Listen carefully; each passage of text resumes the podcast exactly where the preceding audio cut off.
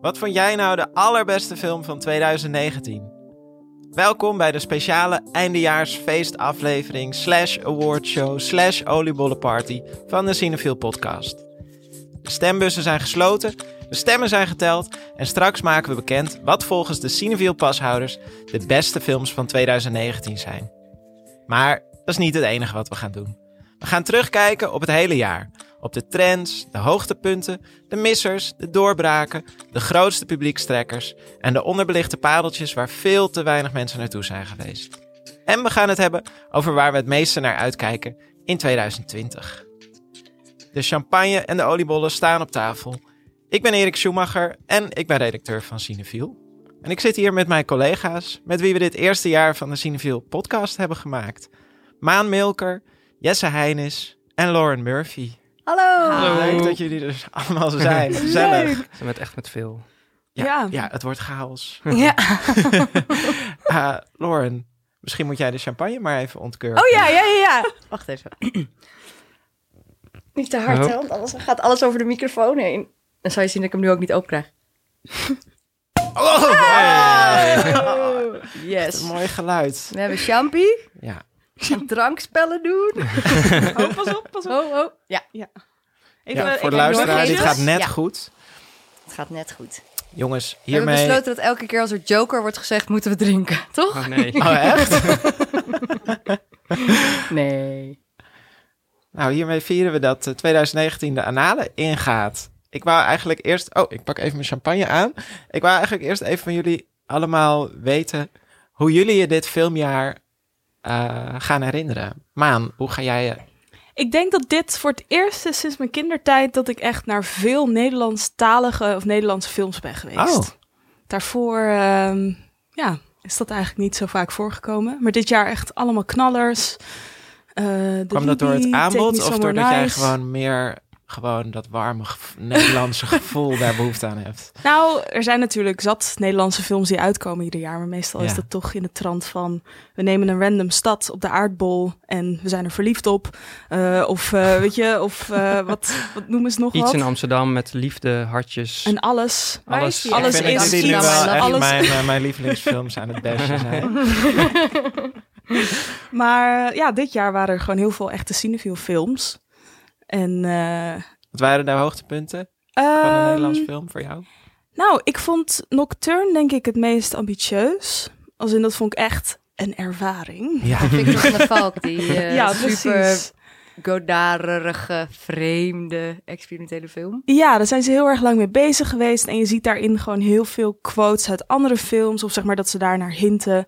Ehm, heel veel Franse films voornamelijk. En je ziet ook, ja, gewoon echt dat dat met heel veel liefde is gemaakt. Met, dat er heel veel tijd in is gestoken. En eh, ja, ik vond het wat dat betreft echt wel origineel binnen het... Ne- Oeh, ik val, laat bijna mijn champagne. Eh, Ga je enthousiast.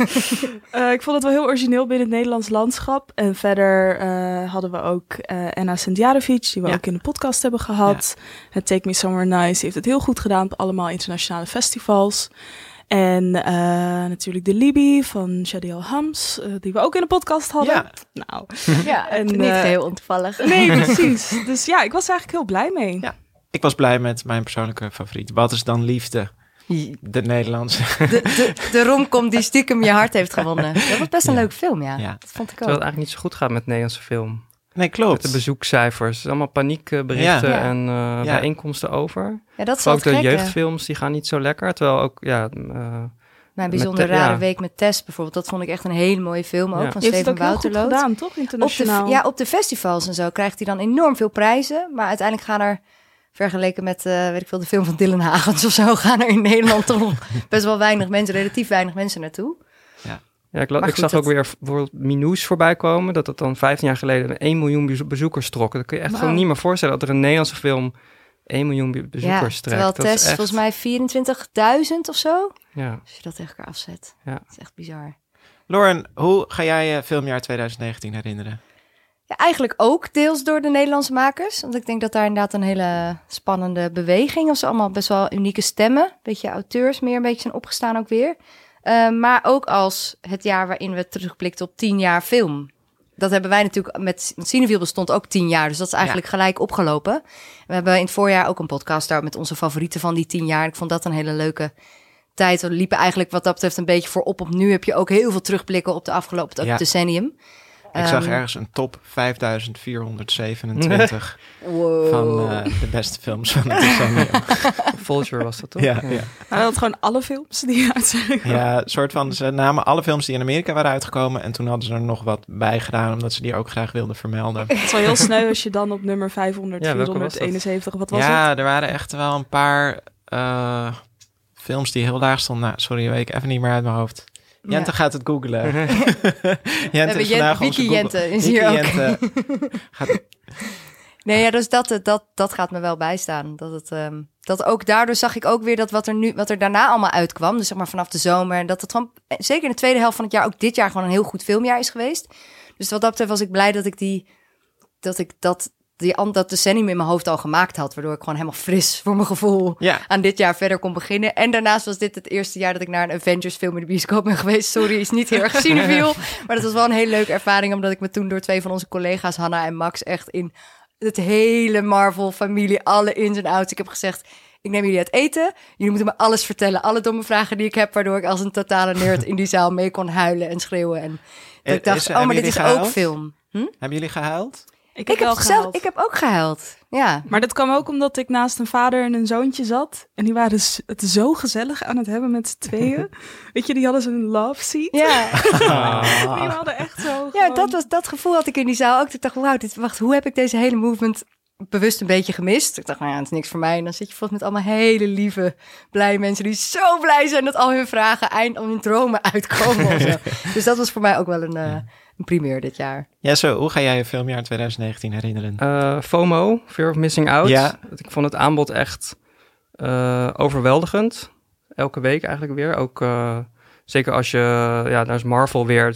Scorsese had zo'n stuk geschreven in de New York Times over Marvel. En dat het geen kunst was. Het is afgelopen jaar ook heel veel gegaan over Disney. Dat soort van alles opeet en alleen nog maar dezelfde films uitpoept, zeg maar. En terwijl in Amsterdam of in Nederland in Cineville merk je juist dat er echt ontelbaar veel films zijn. Dus als zij het daar hebben over, oh, we kunnen alleen maar naar Marvel films in de bioscoop, denk ik van, ja, maar wij kunnen elke week naar zeven nieuwe titels eigenlijk. Ja. Dat is echt, ik ben ook heel benieuwd hoe dat de komende vijf, tien jaar gaat, zeg maar, hoe dat verandert. Eh, we hadden afgelopen maanden hadden we Netflix films, ehm The Irishman en eh, Marriage Story, die En dan Two Popes. en de Two Popes nu, die komen dan zeg maar in december zeg maar, nog boven op het reguliere bioscoopaanbod ook nog even in de filmtheaters. Ik had echt het gevoel dat het zeg maar meer was dan ooit. En ik ben benieuwd of we dan over vijf jaar echt terugkijken van wow, dat was echt... Ja, Wat een rijkdom. ja wat een Ja. rijkdom. Ja, terwijl zo voelde het aan het begin van het jaar niet echt. Nee. Dat weet ik ook nog, dat, we dachten, zeker in de zomer, dat toch dat iedereen dacht van, oeh, ja. Oh, Tarantino komt eraan, maar verder... En dan opeens komt dan uh, Celine Sciamma met Portrella's en Vian Veunus van... Wat? Weet je wat? Ik Ja. heb die net vooral die laatste drie maanden... Dat het, ik en weet veel inderdaad... verrassende films die je niet per se van tevoren zag aankomen van... oh ja, de nieuwe Wes Anderson, daar gaan we straks allemaal naartoe of zo. Zo Ja, Zoveel van die titels waren er dit jaar niet. Maar nee, ik heb ook juist in de zomer, ik heb net nog even teruggekeken, best wel veel goede films gezien waar je dan misschien normaal gesproken niet heen zou gaan, dat je dan dus naar de nieuwe Wes Anderson zou gaan. Maar bijvoorbeeld Sorry to Bother You kwam uit in de zomer, Le Semeur, eh, Apollo 11, eh The Libby, Booksmart, Longshot, Take Me Somewhere Wow. Nice, allemaal van die, Ja, eh, ja, van die best wel toffe titels waar we het nu allemaal over hebben, die, ja, die zijn gewoon eigenlijk tussen eh, juni en augustus eh, uitgekomen. Ja, Normaal gesproken een zomerdipje, maar ja, nu nou ja, ik, ik snap dat voor heel veel mensen die dan juist niet naar de bioscoop gaan, dat je naar een festival gaat of wat dan ook. Maar ja, voor filmfans was er best wel veel te zien eigenlijk. Ja, als ik terugdenk aan het afgelopen filmjaar, dan denk ik eigenlijk meteen aan mijn favoriete bioscoopherinnering van het afgelopen jaar. Ehm, dat was in filmhallen. En toen ging ik naar de, naar de late voorstelling van eh, mid-90s. Dus het was al half tien of zo dat we in de rij stonden. En dus voor mij in de rij stond zo'n groepje jochies van 13, denk ik, of zo. Met veel te grote broeken. En die gingen, daar, die gingen natuurlijk ook naar mid-90s. Ehm, het begon er al mee dat dan bij de trailers eh, kwam dan Thunder Road, de trailer van Thunder Road. En dat is dan geregisseerd door eh, John Cummings. Jim Cummings. Jim Cummings. Nou, ze lagen helemaal dubbel. Toen al. Cummings. en het was gewoon zo leuk om met hun in de zaal te zitten. En toen liepen we naar afloop naar, eh, naar buiten. En toen konden ze meteen al ehm, één scène, die waren ze met elkaar al helemaal aan het herhalen, aan het naspelen. Uh, die, die heb ik ook meegenomen, heb ik een uh, fragmentje van. Man, man. You do not give my son drugs. Do you understand me? Cool, cool. cool. It better be cool fuckhead or whatever the fuck your name is. Stay away from my son. He's not like you. Is she mad about the finger? What fingering? ja, dat is voor mij ook daardoor mijn favoriete filmquote van het jaar. Ik stel me ook voor dat de jongens de volgende dag in de klas zaten en dat hun leraar naar ze aan het schreeuwen was en dat dan stil viel en dat, ze, dat iemand dan zei, she mad about the fingering? Doe me ook denken aan die scène in de Libby trouwens, in de snackbar. Ik zie een rode Ja, lijn. inderdaad, ja. ja. Dat Ja. Bilal en Kevin aan elkaar gaan uitleggen hoe dat moet. Het was een mooi filmjaar voor het vingeren. Ja, ja. Staat genoteerd. Uh, we gaan straks de top 10 onthullen. uh, uit de grote cinefielverkiezing van de beste film van het jaar. Maar ik wil eigenlijk eerst van jullie weten wat jullie gestemd hebben. Wat jullie nummer 1 was. Lauren, wat was jouw nummer 1? Ik heb uiteindelijk, ik kan dat niet, was dat ik dat even voor opstellen. Dus ik wist, daarna denk ik meteen, oh nee, ik ga weer, nee, mijn 10 wordt toch een 1. Ik, ik heb eh, uiteindelijk op voor Parasite gestemd. Ehm, omdat hij me toch de meeste, ik denk dat ik over bijvoorbeeld Joker de meeste heftige discussies heb gehad. Omdat hij veel meer Mhm. mensen uit elkaar eh, trok, van, van of goed of niet zo goed. Ehm, maar met, met Parasite heb ik echt nog daar zaten voor mijn gevoel zoveel lagen in waar ik ook in mijn eentje zonder dialoog over na bleef denken. Dus Zeg maar, gewoon na de bios gewoon zo... wow, wow, ja, wow, en Ja. steeds één trap, één trap verder, één trap verder. Ja, dat vond Ja. ik gewoon echt een hele, hele slimme film. En heel spannend en alles erop en aan. Dus die, eh, maar goed. Meer mensen met eh, Parasite toevallig hier aan tafel? Ja, Ja, Maan. ik Yay! zeker, ja. En ook echt best wel met, eh, ja, met afstand eigenlijk. Dat ik denk van dit was echt een film waar je zo goed kan zien dat iemand films kan maken. Ja, Gewoon alles was goed verzorgd. Gewoon Ja. van eh, hoe het eruit zag, maar vooral ook natuurlijk de verhaal, eh, het verhaallijn. Maar ook bijvoorbeeld dat je als iemand die misschien heel weinig weet van de Zuid-Koreaanse context, dat je toch helemaal een totaal begrip krijgt van wat daar aan de hand is. Ook binnen dat land, zeg maar. En ja, ik vond dat heel, heel bijzonder. Het was zo'n echt een rijke film. ja, ja precies Ook een dat. film voor iedereen. Ik heb hem gisteren nog aan mijn kapper aangeraden. Die gaat normaal niet naar Ja, Koreaanse films. Maar ik dacht van, nou, dit, kan, dit vindt zij vast ook heel vet. En zo Ja, ik ga er meteen ook, wel meteen een ook oren naar, ja. ja. Ja. Ja, zo, wat is jouw nummer 1? Wat Eh, gestemd? so Long My Son. Ah, Ja, ook omdat, eh, ja, ik weet niet of, die hebben misschien niet heel veel mensen gezien, maar die was ook in de zomer. Een Chinese film, gaat over een, eh, Die heb ik niet gezien. ja, over een stel ehm, in China. En zij verliezen hun zoontje bij een, eh, ja, bij een ongeluk. En het gaat eigenlijk over drie decennia in China en hoe ze dus met, dit, met dat verlies omgaan. En wat die film een beetje doet, is het, zeg maar, het politieke persoonlijk maken en persoonlijke politiek. Het gaat heel erg over hoe zij hun leven is beïnvloed door de één-kind-politiek in China. Ehm, er is nog een ander bevriend stel wat ook heel erg betrokken is bij dat ongeluk van die jongen waarbij ze hun zoon verliezen. En terwijl dat stel dat het film volgt, zeg maar steeds ja, een beetje stilstaat en bezig is met dat verdriet, gaat het andere stel, ja, dat, dat schiet mee in, dat, in die kapitalistische droom van China. Die worden rijk en die hebben een heel fijn leven. En ja, ik vond dat zo mooi gedaan, heel erg, heel erg subtiel, terwijl er ook een beetje soapy elementen in zitten. Maar ja, ik, ik heb toen een tipje geschreven van ja, voor elke decennia heb ik wel één keer een soort van traan weggeslikt. Omdat er gewoon zulke mooie, mooie momenten in zaten. En ja, ik was gewoon heel erg verrast door die film. Het was ook zo'n film, ja, het is 3 augustus, er komt gewoon niet zoveel uit. Het duurt drie uur. Oké, nou, ik ga er gewoon voor. En ik was echt, eh, ja, echt diep ontroerd erdoor. Wauw. Ja. Mooi. En hij had een bepaald het aantal, hoeveel, hoeveelste bezoek in Cineville was ook voor die Het film. het- Dat vond ik wel Het mooi. miljoenste bezoek volgens Ja. mij dit jaar. Ja. Of zoiets. Nee, of het 4 miljoenste bezoek Vier miljoen ooit. bezoek, Nou, ja. Helemaal de tel Ik weet het niet. Dat was Volgens mij echt, eh, 4 miljoenste. Was het niet een miljard? Ja. Ja, maar Ja. Voor, een, voor een Chinese film die drie uur duurt, is hij best goed bezocht. En hij had ook eh, bij de rating die je bij Cinefilm kan geven, had hij ook een 4 gemiddeld. Vier sterren van de Mhm. vijf, wat best wel hoog is. Ehm, dus ik denk dat er veel mensen die hem hebben gezien ook echt eh daarvan onder de indruk waren. Dus als Ja. je hem nog hebt gemist, eh, Zeker, Zoek moet hem even gaan op. kijken. Ja. En jij, Erik? Ik was zwaar onder de indruk van Portrait de la jeune fille en feu. Ja. Ah, ja. Ja. Ja, die- ja. Ja. Ja, ja, ja, wat moet je nou gewoon zeggen? Nee, hij raakte me gewoon eh, heel erg. eh, ja, sowieso ehm, gewoon heel mooi gemaakt en gespeeld. Dat gegeven van die drie vrouwen die dan op een gegeven moment even een paar dagen samen zijn en, en eigenlijk een vrijheid kunnen beleven die ze niet eerder hebben beleefd en waarvan je van tevoren weet dat is straks weer afgelopen. En de film heeft ook zoveel te zeggen over, over gewoon kunst en muzes en kijken en zo. Ik heb daar nog lang over nagedacht. Maar dus het is een film die, ja, die me op een heel directe manier raakte.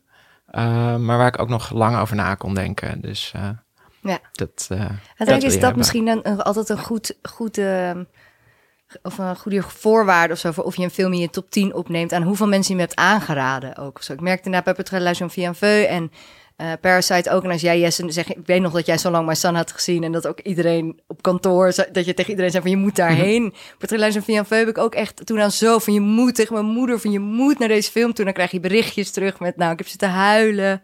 Weet je wel, dat, dat Ja. zijn ook de dingen die zorgen ook voor de herinnering aan zo'n film als zo'n jaar is afgelopen. Hoe andere mensen reageerden op jouw tip daarvoor of zo. Of dat je met elkaar daarover in gesprek gaat. Ja, toch? Ja, ja, zeker. Ja. Ja. Nee, prachtig is die. Dan zijn we nu beland bij de grote onthulling van de stemming. Spannend. Het moment waar we op hebben gewacht. De uitslag. Neem We even een hebben... slokje champagne. Ik vind het Ja. wel Oh, Ja, we hebben ook nog niet geproost, trouwens. Oh, Proost. wat een boeren zijn we. Eerst proost. Ja, even voor een eh, microfoon. voor de mijne, voor de jou. Hier, Jesse. Zo. Proost. jongens. Proost. Proost. Kom maar door met die top 10. 10. Proost. Wie doet even de tromroffel? Oh ja, oké. Eh, Op nummer 10.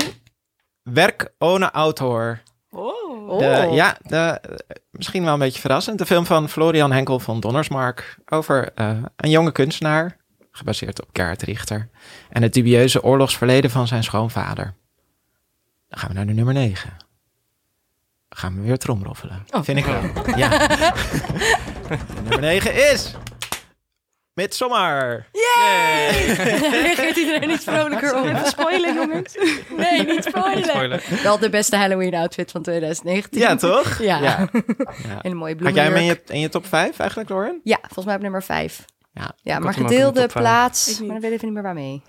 Ja, is natuurlijk voor wie hem niet gezien heeft. Een groepje antropologie-studenten gaat naar een afgelegen Zweedse gemeenschap. En daar gaat het helemaal mis. Ja, echt behoorlijk mis. En wat ik leuk vond is, nou leuk. Ik sprak laatst iemand die, die, is net, eh, die is net door een break-up gegaan. En die zei, met terugwerkende kracht vond ik dat de beste break-up movie van 2019. Dat, ik, dat snap ik heel goed. En dan heeft die film opeens ook Ja. nog een andere functie. Ja, dan kan je heerlijk je wraakfantasie eh Ja. kapot vieren. Ja. Nummer 8. It. We moeten Dit hadden geen we band moeten beginnen. oefenen. Nummer 8 is Sorry We Missed You. Ja. Van, van Ken Loach. Eh, ja, de film waarin de ZZP-economie een gezin op het randje van de afgrond brengt. Dat vind ik wel bijzonder, want hij is nog niet zo lang uit.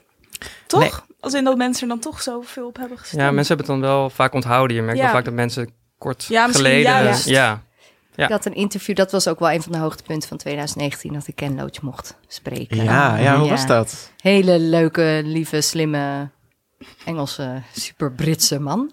Die de hele tijd, die wel ook af en toe een beetje schold, maar dan zichzelf meteen weer, want hij is ook, hij is ook boos. Dus dat Ja. is een interessante combinatie. Hij is natuurlijk super politiek. Hij zal nu trouwens wel verschrikkelijk teleurgesteld zijn, want hij is een enorme Brexit. Oh, ja. Dus dat was een, heel leuk, was een heel leuk gesprek. Ik had dat eigenlijk niet verwacht. Ik dacht, van, misschien is hij wel heel lastig, of, maar helemaal niet. Hij is heel open en ehm, heel erg bevlogen. Dat is gewoon heel leuk om mee te, mee te converseren, iemand die zo bevlogen is. Op nummer 7 hebben we mijn droomkandidaat voor een interview.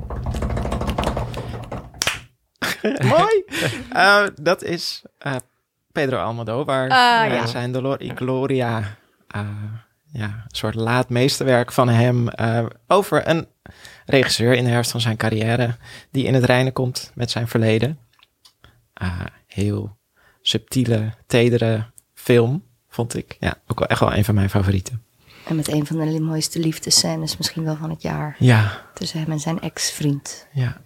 Toch? Kijk om me heen. Ja, Ja, zeker. Ja. Dan gaan we naar nummer 6. Zo. Dat is. Kijk, dat is Cavernaum. Als ik het goed uitspreek. Weet iemand hoe je het goed uitspreekt? Cavernaum. Oké, Cavernaum. Eh, ja, film van Nadine Labaki over een jongetje in een van de armste wijken van Beirut dat van huis wegloopt. En eigenlijk iedereen die hem gezien... Die heb ik ook heel veel gehoord dat mensen die elkaar aanraden. Volgens mij ook Eh, publieksprijs Ja, op Rotterdam, volgens mij. Dat is ook altijd zo'n... Ja, Teken. Een film die als een mokerslag Ja. eh, aankomt. Nummer 5 is Once Upon a Time in Hollywood. Yes. Ja. Quentin Tarantino's alternatieve geschiedenis van de Manson-moorden. Eh, Een enorme hit was het ook. Lange Ja. rijen bij de kassa. Al maanden Na van de tevoren. zomer opeens was er weer een film waar iedereen tegelijk op heen wou opeens. ja, Moest je echt op tijd zijn als je naar die film wilde. Ja, inderdaad. Het was Ja, echt volgereserveerd ja. de eerste twee weken. rijden tot om de hoek. Ja. We hebben natuurlijk ook een podcast over gemaakt. Nummer 12, als je die terug wil luisteren. Kijk. Ja. Ehm, op nummer 4 mag ik een roffel.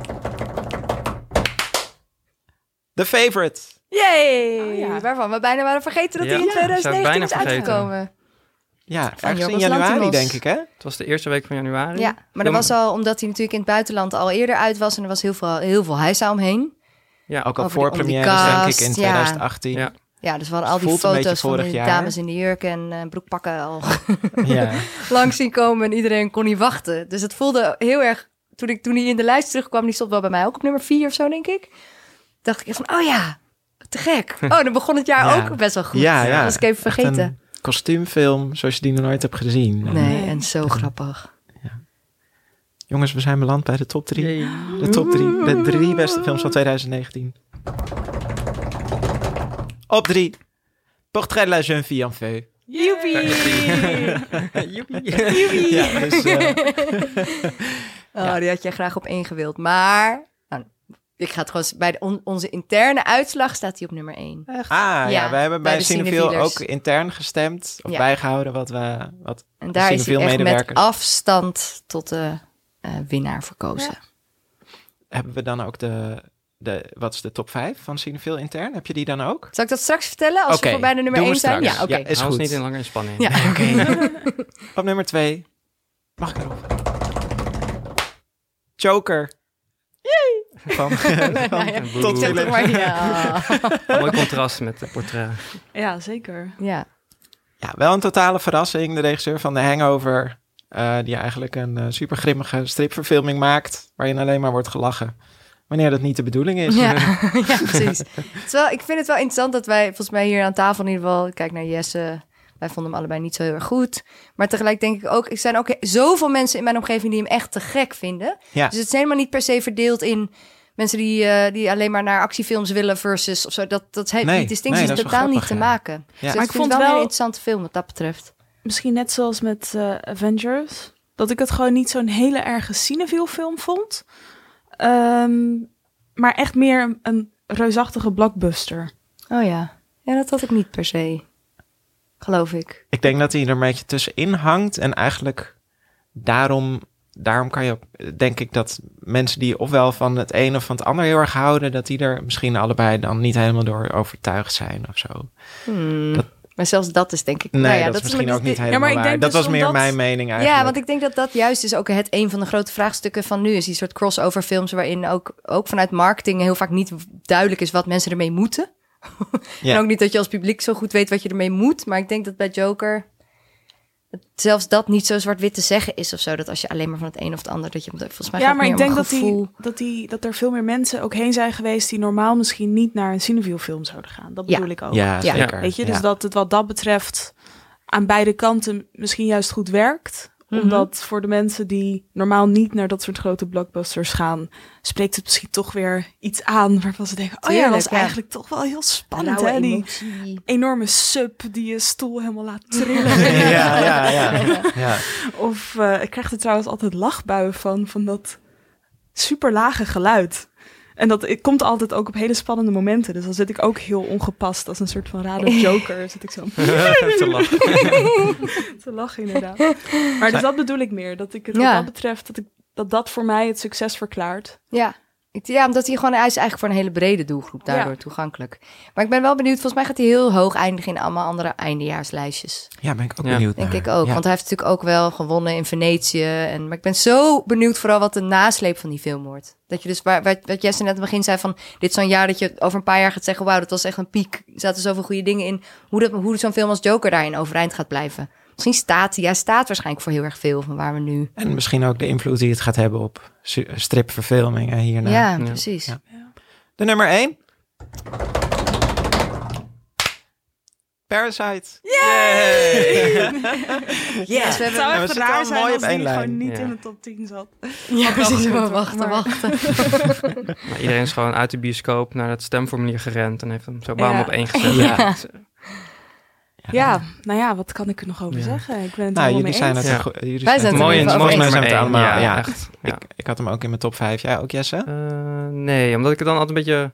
Ik denk dan, ik probeer dan juist wat films... dwars Ja, denk ik van, oké, Ja. iets anders, iets wat heel lang geleden is. of zo, Ja. ja. Iets heel moeilijk Chinees uit de zomer.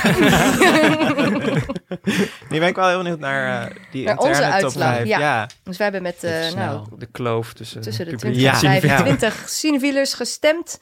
En daar is uitgekomen. Moeten we ook vanaf 10 beginnen? Moet ik even tellen. 1, 2. Ja, we gaan niet Gaan weer we- al die Nee, roffels nee, top doen. vijf. De top 5. Doe Top even de top 5. vijf. Ja. Oké, top 5. Oeh, maar dat is interessant. Ehm, oh nee, dat is net niet. Nou goed. Net niet interessant. Net niet. Nummer 5 is Dolori Gloria. Ah. Nummer 4 is Mid-90s. Die stond helemaal Oh, niet in de nee. eh, top 10 van de rest. The Favorite op nummer 3.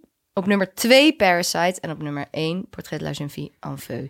En wat wel leuk is, is een gedeelde zesde plaats voor Midsommar en Then We Danced. And, and Then We Danced. En and Then Oh, We ja. Danced. Wat ik leuk vind, want die staat verder helemaal niet in de top 10. Terwijl dat voor mij echt een soort totale prachtige verrassing was. Zo aan het eind van het jaar. Van een Zweedse Oscar-inzending. Georgische filmmaker waar nog nooit iemand van had gehoord. Ik dacht, nou, we, volgens mij hadden we zelfs in heel het veel begin... gedoe in Georgië Precies, zelf, als in, ja. eh, Want waar gaat het over, die film? Ik heb hem niet gezien. Oh, het gaat over een, eh, twee Georgische dansers, twee mannen. Dus echt klassieke Georgische dansen. Het gaat heel erg over mannelijkheid. En die eh, worden verliefd op elkaar. Ja. Maar er waren echt vechtpartijen en echt dat een filmtheater volgens mij zelfs in de brand is. Bij de Ja, première ja, waren is reddingen. echt heel erg Ja. dapper van die is echt makers om, eh, en van de acteurs en iedereen die eraan heeft bijgedragen om die film te maken. Ja. Ehm, en het is heel. Het is echt gewoon een hele mooie, lief. Heb ik ook heel erg bij gehuild. Er zit een prachtige scène in op Honey van Robin, dat nummer. Dan zijn ze met z'n tweeën aan het dansen. Nou, dat is echt zo'n iconische scène. Ik van, oh ja, dit gaat, dit mag, gaat me gewoon bijblijven. Die, dat is ook leuk, zo'n soort top 10 scènes in je hoofd, toch? Ja. Ja, en, Ja. en eh, muziek ook, die je dan... eh, Zo'n nummer, bij zo'n nummer kan je dan nooit meer niet aan die film Ja, denken. Nee, Ik precies. had dat heel erg bij Booksmart. Daar zit echt zo'n beetje alle muziek die ik leuk vind in, zeg maar. Ja. Dus telkens dan hoorde ik dat en dan dacht ik, oh ja, ja. That's my jam! Booksmart ook zo'n leuk film, Ja, zeker. toch? Maar die staat dus niet in de top 10. Nou, dat snap Helaas. ik ook wel weer, want hij was ook weer niet... Ik vond hem ook weer niet zo... Zo geweldig. Zo, ja, hij was gewoon leuk, maar het was nou geen hoogtepunt Het was voor geen mij. clueless. Nee. Het is niet de, vol- de next clueless. Daar zijn we nog steeds naar op zoek. Nou ja, over tien jaar misschien. Ja, misschien. Ja, wie weet. Want hij vond hem wel quotable. Ik dacht wel meteen, ja, toch zit er gewoon... ik- Nu kan nu niet op een quote komen. Dus een hele punt. ik dacht al, ik ga die vraag niet stellen, dat is te lullig. Kom maar met de quote. I'm so booksmart, zegt iemand op een gegeven moment. Nee. Een hele leuke Maar er zijn wel heel veel queer liefdes, ook weer in Booksmart, zeg maar, van afgelopen jaar. Rafiki Ja, zeker. en, eh Uit Kenia, ook een hele mooie film. en Portret de la Jeune Fille en Feu, natuurlijk. Ja, We hadden ook een, eh, een soort stemming naast de top 10 gedaan... waarin mensen konden stemmen op hun favoriete categorieën. Dus meer iconische personages. Dat, omdat we bij Cineville ook vaak op dat niveau met film bezig zijn. En ehm, daar was dan a Cutest Couple... Stond daarbij en daar hebben ook Marianne en Eloïse uit en Feu echt met... nou, zo'n verre voorstand of voorsprong dat je helemaal niet meer in de buurt kan komen. Wat zijn de Dus, eh, andere, andere highlights uit die categorie verkiezing? Ehm, even denken, we hadden Best Dressed. Dat is Elton John geworden. Rocketman. Met Kan, Rocketman Kan. in het echt. Ja, Ja, ik denk toch wel aan Midsommar gelijk. intern hadden we ook gedaan. Daar hadden we Midsommar Ja. gewonnen. Ja of Ehm, eh, van Sorry to Bother You. Ja, Detroit ook. Oh ja, van Sorry to met Bother You. oorbellen Die is tweede intern geworden. Ah, oké. Tessa May Thompson oorbellen- met die oorbellen en die vette chill. shirts die ze drukt. Ja. Die iedereen... Ik weet zelfs nog, die film kwam uit. Nou, nu heb ik weer mijn anekdote niet klaar. Ik kom er zo wel op terug.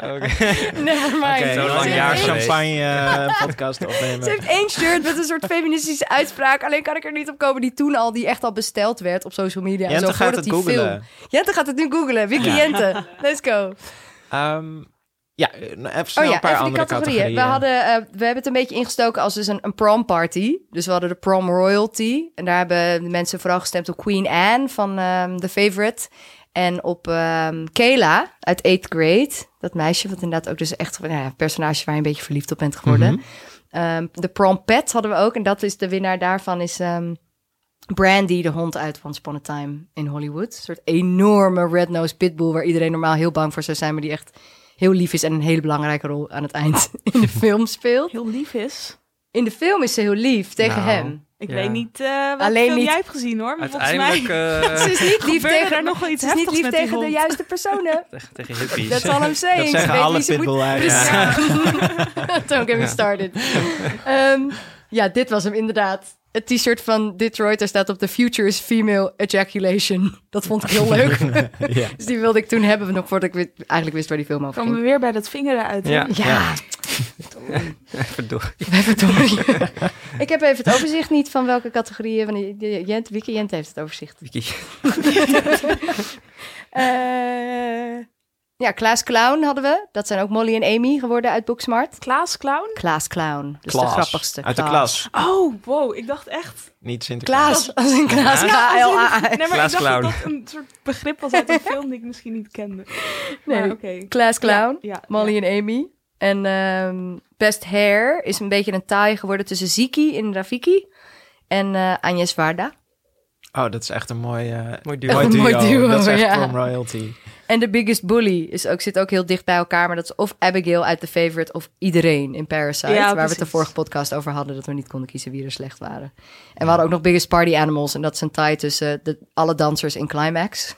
wil je afvragen of je op hun feestje wil zijn. Maar goed. en Jono en Spanner, de vrienden uit Beats. Oh, Leuk. Ja, denk Ja. ik het Ja. beste feest van het jaar gaven, vond ik. Ja, de rave in Beats. Ja. Ja. Ja, Wat is een eindejaarsshow zonder quiz? Geen, niks. Niks. Niks. Niks. Helemaal. Waardeloos. Ehm, we gaan een quiz doen. We hebben allemaal een fragment meegebracht. En dat laten we horen. En dan mag de rest raden uit welke film het komt. Wat krijg je als je het goed hebt? Een oliebol. Oh, Zo oké. winstgericht. Ja, sorry, ja. kom op hé. Voor niks gaat de zon op. Ehm, zullen we beginnen met het geluid van Maan?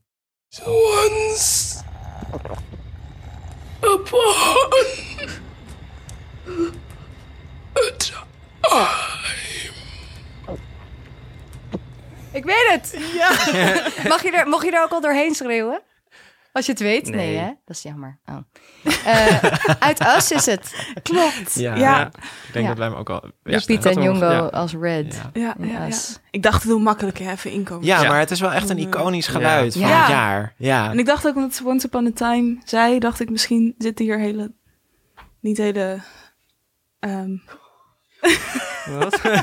ik dacht, misschien trappen jullie erin en denk Oh. je dat het... Was wat daar in Hollywood is. Misschien zitten hier niet hele scherpe mensen tafel waar je dat zegt.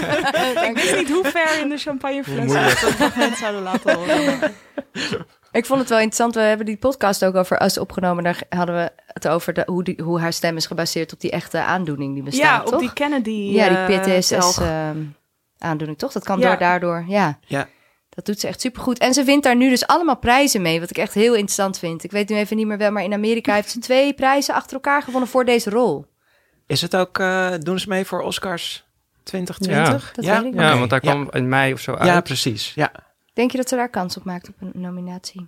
Ja, het is, Ik het is een genrefilm, dus waarschijnlijk gaat het dan Dat niet is- winnen. Ja, Nou, Get Maar Out Get heeft Out heeft het heel goed gedaan bij de Oscars. ja, maar geen acteerprijzen, toch? Nee. Ja, maar Nee. toen zat zij er nog niet in. Dat is waar, ja. Ze, ja, Ja, ze zij heeft goed. een Oscar Ja, nee. gewonnen voor 12 Years a Slave. Dus zij Ja. is, zij is Ja, ze, is wel, Geliefd. ze staat op de lijst, ja. bij, het Academy, bij de Academy.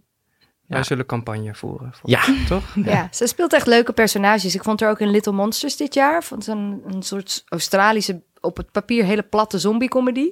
Maar zij, zij tilt die hele film gewoon naar een zoveel hoger niveau. Maar hoe komt zij nou Ja. weer in een Australische Ja, Ja, zij heeft dus blijkbaar een hele grappige neus voor, voor rollen Ze in, op plekken die je niet verwacht. eigenlijk. Ja, volgens mij is ze best Ja. wel picky. Ja. En dit is dan een, een rol van een soort kleuterjuf die, die vervolgens... We hadden ook zo'n categorie trouwens bij de, bij de stemming van de Most Likely to Survive the Apocalypse. En daar stond die rol ook tussen. Zij is gewoon, die wil je echt wel naast je hebben als, eh, als de pleuris uitbreekt. Hele, en ik vond dit een hele mooie rol van haar in Us ook. Ja, ze echt zo goed die twee, die rollen. subtiliteiten, precies. Lauren, we gaan jouw fragmentje raden. Oké. ¡Perro! ¡Mírame con cara de guerrero! No, luego solo un rato y se pone como gordito. Hè? Mag ik het Hè? zeggen? Weet jij het? Ja, het zijn voetjes in de modder van Monos. Ja. Ik kwam even niet op de naam van de film inderdaad. Maar Ja. Monos. Die soundtrack is ook vet. Ja, daarom de heb ik deze uitgekozen. koe, ja. Shakira de koe. Soundtrack van Mika Levi, toch? Ja. Levi. Die heeft eh, ook de soundtrack van Under the Skin gedaan. En dit is, dus Monos gaat over een groep, eh, ja, het is een groep kinderen in de jungle, in een ongenaamde oorlog, guerrilla van- soldaten.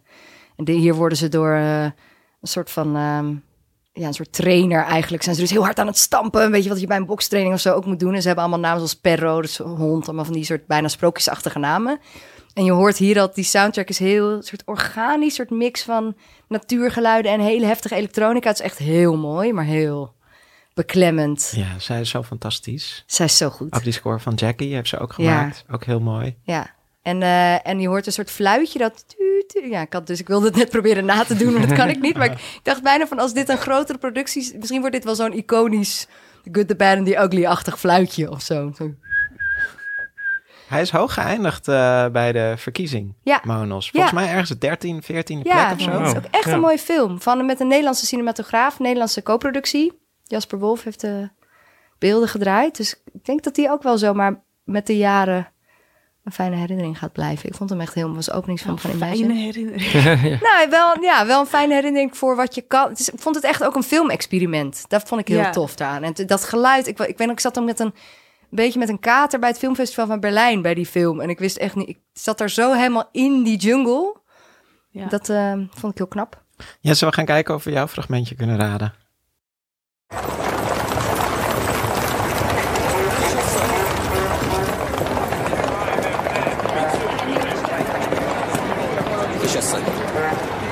Nem szabadna kiárkálnia. Hogy hívják? Vince Robert. Ik zie eh, Wiki Jensen de hele tijd al na twee seconden zo heel duidelijk met een knik. Ik weet hem al. Eh, weten jullie hem? Volgens Nee, mij, ik volgens denk mij weet ik hem. Ik denk dat ik het weet. Wat denk je? Ik denk dat het Sunset Ja, is. dat is ook mijn Ja, gok. klopt. Ja. Ja, dat het vooral door de paard, het paard en wagen en een soort van die omgevingsgeluiden van die Ja. drukke straat waar ze dan Ja. in Budapest is. Ja, ik vond dat heel vet aan die film. Het is, een beetje, ja, het is echt een filmhuisfilm. Best wel, ja, het gaat over een, een jonge hoedemaakster in 1913 in Budapest. En het is een beetje onduidelijk wat ze daar komt doen. Ze is volgens mij op zoek naar de broer. En het is een heel frustrerende zoektocht eigenlijk, ook als kijker. Maar wat ik heel vet vond, is dat... Ja, het is een best wel een kleine film. Maar qua production design is het echt super vet gedaan. Dat je gewoon in... Je zit gewoon in die stad, ook door het geluid. Mensen hebben allemaal mooie kostuums aan. Er rijden paardentrams. eh het zijn allemaal long takes. Je wordt, net als zij, word je echt in die stad zo opgenomen. Maar het is ook heel vies. Dat vond ik zo interessant eraan. Van het is enerzijds een soort van chic mooi, Ja. maar je voelt het is ook heel stoffig en groezelig en Ja, zweterig. het gaat ook over dat er onder die mooie façade... Ja, het is vlak voor de Eerste Wereldoorlog. Dus ja, op, er komt gewoon een punt eh, in de geschiedenis dat het, dat het daar helemaal misgaat. En wat ik ook wel leuk vond, was dat het geluid van deze film is ook heel raar. Omdat het zit allemaal een beetje op hetzelfde niveau. Normaal wordt je er gestuurd, doordat dan dialoog is dan net iets harder dan het achtergrondgeluid. Of het verdwijnt naar de achtergrond. En hier is het allemaal een beetje door elkaar heen. En mensen praten ook door elkaar heen. Waardoor je zelf ook heet het een beetje aan het puzzelen bent. Van ja, waar moet ik nou naar luisteren? Wat is belangrijk? En ja, ik vond het een hele Echt een ervaring. ja, echt een betreft. uitdagende film in die zin. En ook een echt een ervaring. Terwijl het een heel erg...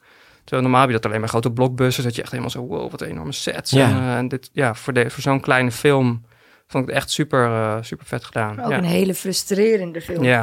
Toch? Ja. Dat hoorde ik ook van veel mensen toen dat ze hem net hadden gezien. Van, ik wilde echt schreeuwen tegen Ja. dat scherm. Want niemand luistert naar haar. Namelijk, ze is Ja. op zoek naar iets. En ze loopt de hele letterlijk tegen dichte deuren. Of naar dichte oren. Of naar...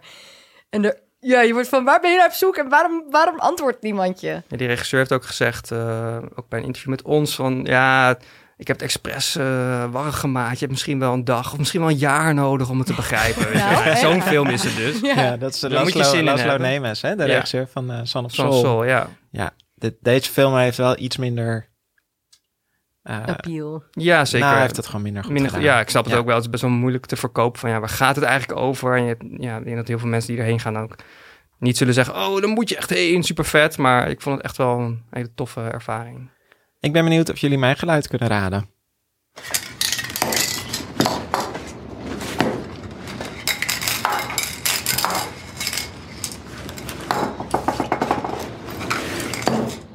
Wow, Erik. Je hebt ons hoog zitten. Is, het is, ze zijn een spel aan het spelen. Nee. Oh. Een balletje.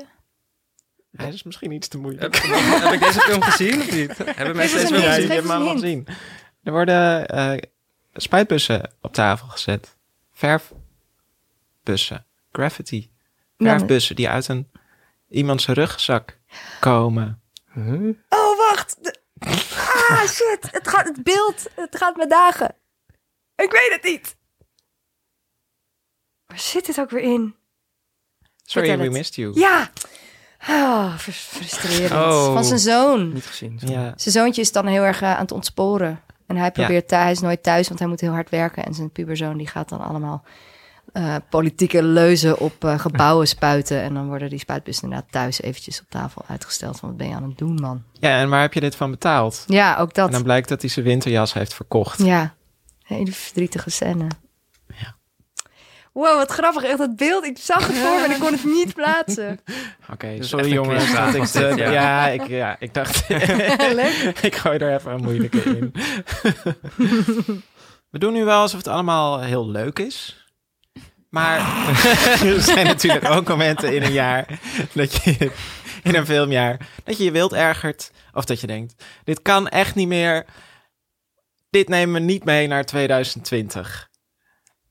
Maan, heb jij zo'n moment gehad dit jaar? Zeker. Ehm, ik volg het filmfestival in Venetië op Facebook. En zij hadden van de première, volgens mij van Ad Astra, hadden zij een foto van eh, Ruth Nega. En je raadt het al. Toen hadden ze, het, hadden ze de E met een I geschreven. Oh mijn god. En dat heeft er echt gewoon heel lang op gestaan. Ik heb dat ook de dag gecheckt. Ik weet niet waarom, maar... Staat het er nog? Staat het er nog? Nou, ik heb dus gezocht, ik kon het niet meer vinden. Maar ik kon überhaupt die foto niet vinden, zeg maar. Dus ja, dat Oh, vond ik daar- wel eh, Ja. dat ik denk. hmm, Ze waren sowieso niet echt lekker bezig daar. Waar is je eindredacteur? Nee. Ja. ja. Oké. En, ben je, en heb je daar toen ook iets over gezegd op social media? Doe je dat dan? Nee, Nee, op social media zeg ik bijna nooit wat. Nee, Want als ik daar aan maar begin-. Ja. Echt, als ik daar aan begin, ik word om zoveel dingen kwaad. Maar het was dus niet onmiddellijk een soort enorme rel. Nee, dat was ook het Ja. opvallende. Dat ik Ja. echt dacht, really? Weet je? Ja. Misschien Ik kijkt herinner gewoon me hem wel, niemand als dat de- na, maar dus na een paar dagen pas. Toen het eenmaal werd opgepikt, was het wel Ja, maar even ik heb het nieuws. toen ook tegen jullie gezegd. Oh, Daarom heb ik het zo onthouden. Ja, dat denk ik. Want het stond echt nergens. Jij bent gewoon mijn zo- bron van goed nieuws. Slecht nieuws in dit geval. Ja. Ik ben die nieuwsautoriteit. Ja. En mensen met natte kleding in een filmtheater. Oh, wat? ik had het in Parijs en ik viel gewoon bijna flauw. Het was zo Oh. absurd. Het was zo... Het, het Wat stom. Ja, natte, maar daar kunnen mensen vieze, niks aan doen. stinkende maar, kleding. ja, maar Soms regent het gewoon als je op weg bent. Ja, maar dan hoef je niet nog niet naar natte hond te ruiken. Hang het buiten. ga dan niet Ja, naast mij naakt zitten, terwijl de de rest van de zaal gewoon leeg is. Hang je kleren buiten de zaal op de verwarming. Ja. Ja. Jesse, wat eh, neem jij niet mee naar 2020? Ehm, ik neem niet meer mee naar 2020 de Disney-films, die animatiefilms die naar live-action worden Ah, overgezet. ja. Ik heb ze volgens mij alle drie gezien: Dumbo, Aladdin en The Lion King. En nu Mulan volgend jaar. Ja, die zag er ook wel echt weer leuk uit. Ja, misschien kan het- ja, daar ga je. Ja, shit. Je wilt toch altijd weten hoe het, hoe het gemaakt is en dan zit je daar weer en denk je van, Daarom moet het ophouden, omdat je er toch weer heen gaat. Ja, het moet dus jij, ophouden. het, het kan aan jouw kant niet ophouden. nee, ik ga Want jij er toch gaat heen. wel, dus ja. Disney is gewoon jouw enabler. Die moet gewoon stoppen. Ja, maar gaat ik zit er dan er- weer en denk van, mijn stoppen. god, is- we slaat het op. Had gewoon het oude opnieuw gewoon uitgebracht of zo. En ja, ik heb dan weer toch weer bijgedragen met mijn Cinefiel pas aan de, aan de inkomsten van Disney. Ja, nou ja, ja hou ermee op. Ja. Lauren, waar heb jij je aan geërgerd dit jaar? Ja, ik erger me dus blijkbaar niet zo heel erg aan dingen. Kwam ik achter toen ik deze vraag aan het bedenken was. Ik wel een mensen die heel... eh, leven dat jij Ja, leidt. ik denk dan altijd, nou, dat gaat nu even niet goed, dat gaan we beter doen. Misschien, dat is niet waar Wat trouwens. gaan we beter doen in niet waar. eh, 2020? Niet meer zwaar ademen in de bioscoop. Dat is mijn pet peeve. Echt, natte jassen kan maar gestolen worden. Maar mensen die, die ademen zo... Daar kan ik echt, denk ik, van wie heeft jou geleerd om te ademen? kan je even op ademles? Het is fijn dat je je ontspannen voelt hier in de zaal, maar dat, dat vind ik echt heel vervelend. En daarnaast vind ik het dus wel dat er moet een soort nieuwe manier gevonden worden om de films die... Er worden gelukkig steeds meer films gemaakt die niet in een bepaald hokje passen. Die dus niet enorme blockbuster commercieel zijn of juist heel erg arthouse. Maar het lijkt alsof de filmwereld en de marketing en distributie daar nog niet precies weet wat ze daarmee moeten doen.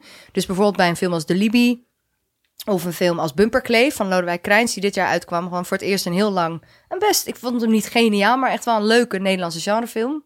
Die dan in, in paté wordt gezet, terwijl Lodewijk Krijns heel erg een cinefilmmaker, of meer denk ik, daar op zijn plek is. En die draaide dan alleen in het ketelhuis volgens mij.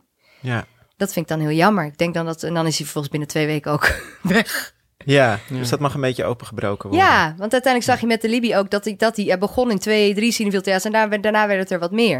Ik denk gewoon van, gooi, zet het wat meer open, want dat hoeft elkaar volgens mij niet te bijten. Maar misschien weet ik niet genoeg van de hele politiek daarachter. Maar dat lijkt mij in ieder geval heel leuk. Ja.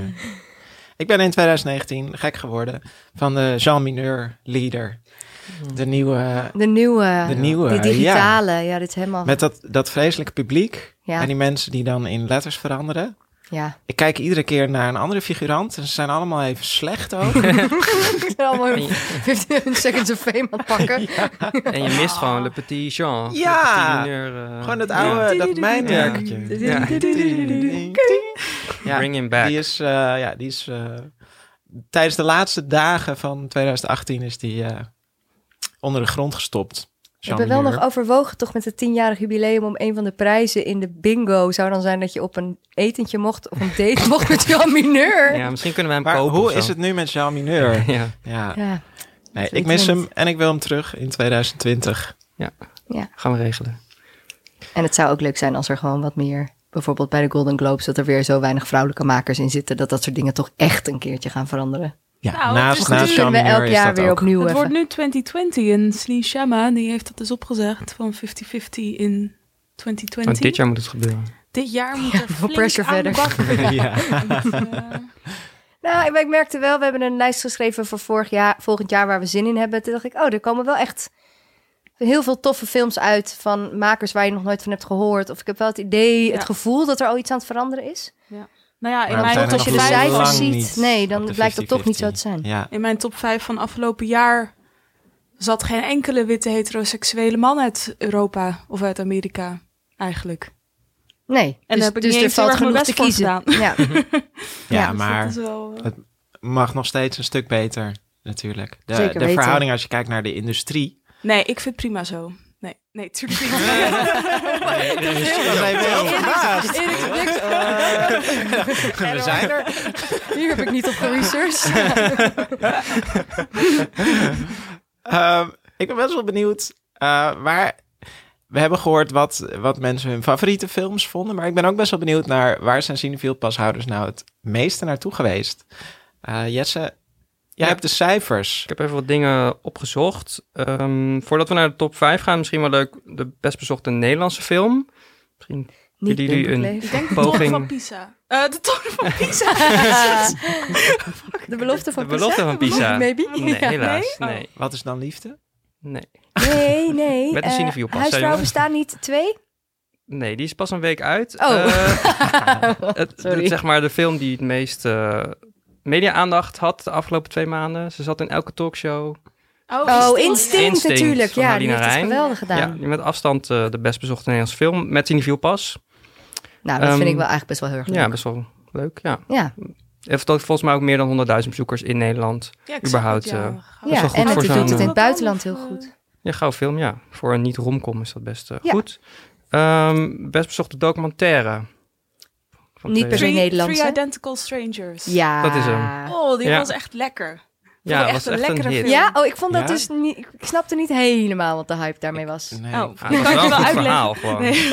Het verhaal is ongelooflijk, maar Ja. dat zeggen ze in de film. Om de vijf minuten komt er nieuw iemand in beeld die geloof je zegt... niet. And then, first it was incredible. and then it was amazing. and then you really couldn't believe it. Lekker toch?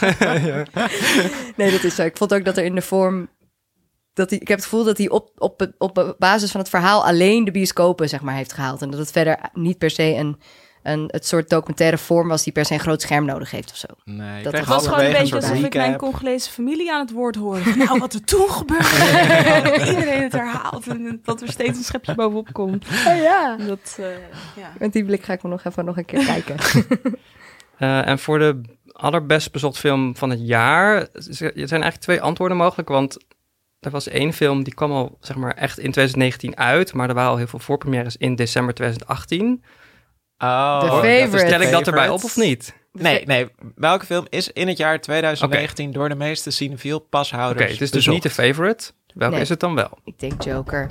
Once Upon a Time Ik denk in Hollywood? Joker. Het is... ja, ik denk Nee, Joker. Doen we niet de top 5? Oh, top 5, oké. Oh. Top 5. Dolor y Gloria. Wauw. Op 4 Joker. Oh. Op 3 The Favorite.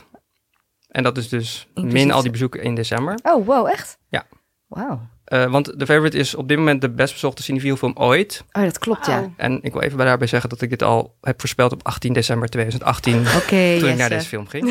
Eh, op nummer 2 staat een film die we nog helemaal niet hebben genoemd. Eh, de Oscar-winnaar Green Book. Kwam ja. uit eind januari. Heeft hij het zo goed gedaan? Ja, dat is een enorme knijter. Maar niet zo populair als Once Upon a Time in Hollywood. Oh ja, best bezochte Ja. film van Ja. het jaar. Dat hebben we net al zelf gezegd door te zeggen dat het twee weken helemaal uitverkocht was. Ja. Ja. ja.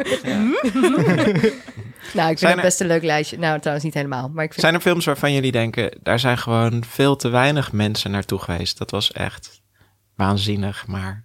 Nou, ik vind het wel jammer dat Sorry to Bother You niet breder is uitgezet. Mhm. Dat is natuurlijk eigenlijk een film uit 2018. En toen is hij eigenlijk überhaupt niet, Niet meer aangekocht? aangekocht. Toen heeft eh, via i is hij toch via hun eh, previously unreleased programma is het toch in eh, meerdere filmhuizen terechtgekomen.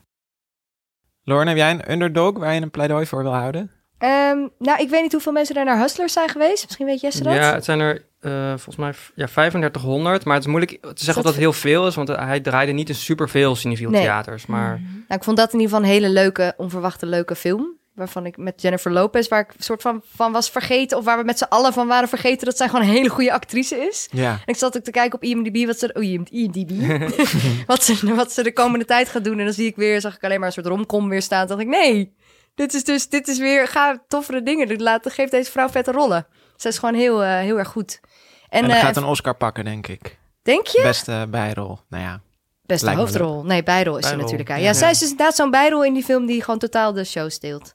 Dus dat wat mij betreft. En, eh en Beats, waar ik echt al elke podcast ja. een pleidooi voor heb Oké, gehouden. Lauren, blijkt beats. dat mijn media-invloed gewoon nihil is. Want niemand is er naartoe geweest. Pijnlijke conclusie. Ja, is een hele mooie film. Wat is jouw underdog? Ehm, ja, we, we hebben het al eerder over gehad over het Nederlandse film. Dat, dat, dat, ja, we zijn volgens mij allemaal heel enthousiast over wat er allemaal is gemaakt. Ik vond bijvoorbeeld Bloody Marie heel goed. Oh ja. Die eh, gaat over een Duits-Nederlandse vrouw die op de Wallen woont. En een beetje een soort van alles wat, wat zij aanraakt gaat helemaal mis. En ik vond het een hele toffe film, waar volgens mij echt heel weinig mensen heen zijn geweest. Maar ook de Libby en Take Me Somewhere Nice. Ik denk toch, ja, ik, hij komt, ik denk dat die films binnenkort op televisie komen. En dan, ja, ik hoop dat het daar wel gewoon een paar honderdduizend mensen eh, naar kijken. Ja, dat verdienen die films echt. Ja, Ja. Dus, ehm, Ja. ja, de Nederlandse film... eh, Misschien nog even, ja. Want het zijn best wel, het zijn best wel frisse eh, eh, Nederlandse Ja. films. Misschien moeten mensen daar ook even aan wennen. Van, Ja, dat dit soort films ook bestaat, in Nederland ja. worden Waar mensen gewoon praten zoals mensen praten en zo. ja. ja. En jij? Ik heb, eh, dat is eigenlijk een tip van jou, eh Lauren. Beats. Nee, ja, Beats. nee, ben ik toch niet heen geweest. Nou, sorry zeg.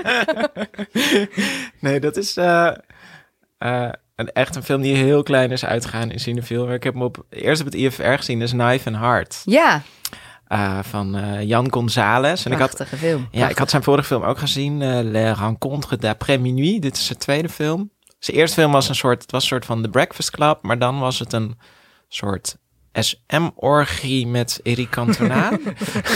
Werd er gevingerd? Werd er gevingerd, dat weet ik niet meer Past het in het zeker. Dat is wel echt 2013 of zo.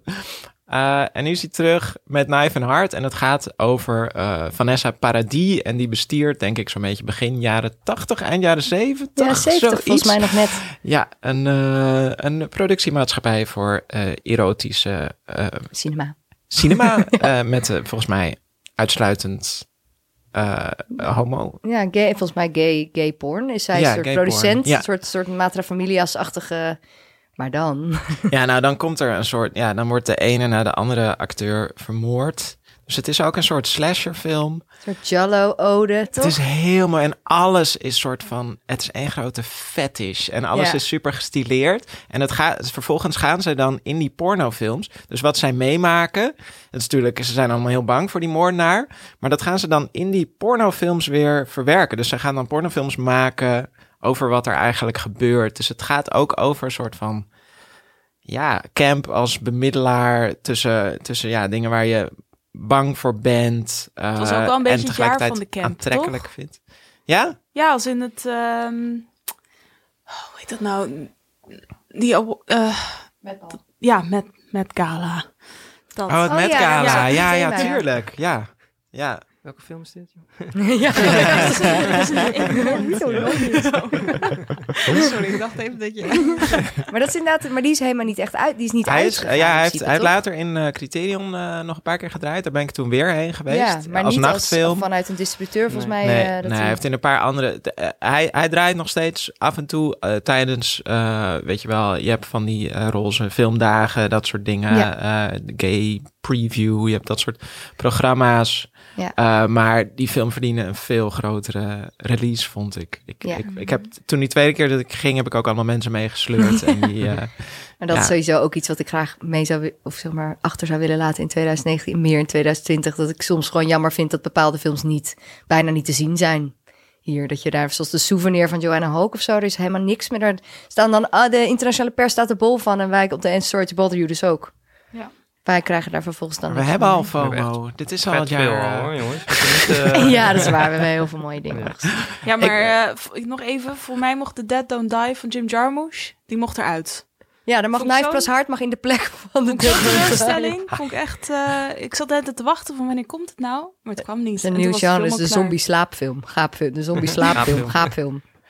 Zo jullie- verschrikkelijk saai. die, die het goed deden, maar waarvan je dacht, Mooi. die wil ik ruilen? De Joker. Joker? Ja. Ehm, nee, de enige film waarbij ik ben weggelopen dit jaar was It 2. Daar wil ik het verder niet meer over hebben. echt al binnen een kwartier of zo. Maar die vond volgens mij niemand heel goed. En. Fox Lux vond ik echt verschrikkelijk. met Dat Natalie concert aan het Portman. eind. Maar die heeft het ook niet goed gedaan. Nee, daarom. Dus die Nee. tellen eigenlijk allebei niet. Nee. Nee, ik had niet één film waarvan iedereen Joker heeft dan het ook niet goed gedaan. Nee. telt ook niet. Nee, dat heb ik niet. Jij Ja. wel? Ik ben stiekem een beetje klaar voor het pensioen van Quentin Tarantino. Oh. Ja. Oh, die gooit er nog even in zo aan het eind van de podcast. Ja? Vond je hem niet goed? Ik zie wat mensen er leuk aan vinden. En dat zijn eh, veel dingen die het bij mij gewoon Niet meer doen. ik een beetje klaar mee ben of zo. Dus eh, intertextualiteit en de smerende acteurs en het eh, een beetje de 90s cool. Ah, ja, eigenlijk is misschien dit ook wel het jaar waarin ik niet meer tegen geweld kan, bedenk ik me nu. Oh, Dus ik heb allemaal, ja, ik heb allemaal, want ik vond het hier ook eigenlijk weer naar om naar te kijken. Mhm. Haal ik natuurlijk ook bij de Golden Handshoe. Misschien word ik gewoon een beetje, een beetje week. Ja, oud. Ja. Oud. Nou, genoeg Maar over gelukkig, hij gaat met- 2019. Hij gaat met pensioen. Dus je hebt ja, geluk. precies. Hij heeft Ja. nog één film, nog gaat hij maken. Dat moeten we nog maar Ja. zien. Ja, moeten we nog maar zien. Zo'n sticky eh, Ja, iemand die... grandpa. Ja. Sticky Grandpa. Sticky Is dat, is dat een thing? Nieuwe film van Tarantino.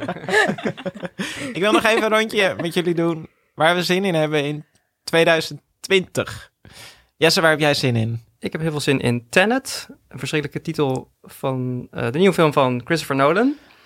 Eh, maar ja, die titel... Kijk, het wordt ja, weer blockbuster. Ja, blockbuster eh, knallen. ja, En ja. Ik, het- ik heb geen idee waar het over gaat, maar het heet Tenet. En het is een palindroom, dus je kan het van links naar rechts, maar ook van rechts naar links lezen. Oh, zou de hele film Wow. ook omgekeerd wel, ja. te kunnen- En er was ook een soort Twitter-filmpje waarin je zo Tenet als een soort klokje zo op zijn kop zag draaien, waardoor het dus... Het wordt weer high concept. Ja, high concept. Ik zag ook foto's van eh, John David Washington, de, de hoofdrolspeler, samen met Robert Pattinson aan een soort touw hangen aan een gebouw. Nou ja, je- ik ben er weer bij op de eerste Ja. dag dat hij uitkomt. Ik ben er weer bij. ja. In eh, juli volgens mij komt hij uit. Maan, waar heb jij zin in? Ik heb zin in die 50-50 van volgend jaar. Oh ja, Qua man-vrouw verdeling. Daar heb ik echt heel veel zin in. En eh, verder, ehm, om daar aan bij te dragen, eh Bulbul Can Sing van Rima Das. is een Indiaanse filmmaker. En eigenlijk had ik vorig jaar, die film heeft het heel goed gedaan op eh, Toronto Film Festival. En ja, daarvan dacht ik van, ah jammer, dat is zo'n typische film die dan hier weer niet uitkomt. Is ook een queer, ehm, ja, queer coming of age eigenlijk. En dan in het Noord-Indiaanse platteland, dat is ook al binnen India, is dat, eh, ja, is dat totaal anders dan zeg maar de Bollywood-producties of wat dan ook. Echt een eh, onafhankelijke film. En nu komt hij toch gewoon uit. Dus Hey. ik ben heel blij. ja. dus die ga ik denk ik aan iedereen aanraden. En, Cool. eh, ja, In januari. Ja, volgens mij Ja, heel 2 snel. januari. 2 al. januari Ja. al. Lekker Ja. met, met, met Nog eh, even in de vakantie nieuw. knallen. Ja. Ja. Noorn, waar heb jij zin in? Ja, ik heb in- zin in veel te veel. maar om in mijn, ik zit natuurlijk op de genrestoel hier de hele tijd in de podcast. Dus daar heb ik heel veel zin in. Want er komen komend jaar gewoon echt heel veel hele goede, cinefielerige genrefilms uit. Die ook aan de 2020 50-50 en vanuit alle streken, windhoeken. Dat vind ik altijd zeker in genre en bijvoorbeeld in, ook in horror heel interessant. Als het vanuit een bepaalde ach- achtergrond wordt gemaakt. Dus daar heb ik heel veel zin in. Ehm, om te beginnen met The Lighthouse, die niet in dat plaatje past, maar wel heel mooi is. Maar bijvoorbeeld ook eh Bacurau, een Braziliaanse zombiefilm die over het kapitalisme gaat. Dus dat past weer goed bij. Parasite. Ja. En ehm Atlantiek van Mati Diop, een Senegalese filmmaakster... die ook het festival heel goed heeft gedaan. Ja, en er komt een remake ja. van Candyman uit... Die geproduceerd is door Kijk mijn Jij ogen. leeft nu helemaal op. Ik kijk je terug oké. Ja. Geproduceerd door Jordan Peele. En geregisseerd door Nia da Costa. Eh, dus dat, wordt ja. dat de nieuwe beat? Gaan we die iedere week iedere aflevering Candyman is weer uitgesteld. Ja. nee, dus ik heb heel veel zin in, eh, in al dat soort dingen. En waar ik ook zin in heb, is dat er een soort trend lijkt te zijn in genreland voor... Je hebt het net over Knife Plus Heart, maar een soort van fetish movement. Namelijk, je hebt zowel Swallow, een film over een vrouw die allemaal dingen gaat inslikken... en Bad Boy, een film over een man die allemaal dingen in zijn aar stopt. Nou, dat om Oké, het maar mee af te sluiten. Dingen waar we zin hebben in 2020. En ik heb ook een film gezien over iemand die verliefd wordt op een koelkast. Dus dat is ook een trend. Herkenbaar. Ja, toch? nu jij. Ik heb eh, er zin in. Het is nog niet helemaal 100% rond, maar eh, we gaan eh, waarschijnlijk voor het eerst naar Cannes met eh een Ja! clubje cinefielers. En eh, ja, nog nooit geweest. Heel vaak eh, de Rode Loper foto's gezien en, en gehoord over de feesten op jachten. Waar En, we eh, sowieso niet in komen. Nee, slaap op de Daar camping, gaan we toch? slapen op de camping. Het mag voor mij allemaal. Ah, ja, dat lijkt me, dat lijkt me superleuk. Nou jongens, dit was de laatste podcast van het jaar. Ehm, we, ja, is toch niet erg? Volgend jaar zijn we er weer. Ja, Het voelde als, het dingen. voelde als, iets, als een afscheid. Nou, dit is de allerlaatste podcast. Nee, nee, we gaan volgend jaar gewoon door. Eh, waar we het dan allemaal over gaan hebben en waar je je op kan verheugen, eh, kan je ook lezen in ons eh, een artikel op onze website. Eh, moet je kijken in 2020. Eh, dat komt zo rond oud en nieuw online. Ehm, en ik denk de volgende keer zitten we met Sam de Jong, als ik het goed heb, en gaan we het hebben over Goldie. Dus dat is weer een jonge Nederlandse maker die een heel bijzondere film heeft afgeleverd. Waarmee we het jaar, een nieuw jaar goed ingaan.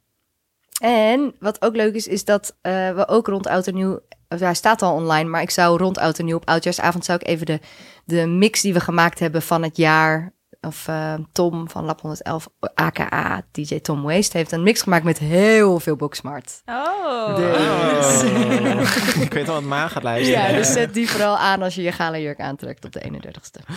En dan op 12 januari, op zondag 12 januari, is eh, het groot feest. De, de films die het Cineville publiek heb, heeft gekozen als top 10, die we net hebben onthuld op spectaculaire wijze.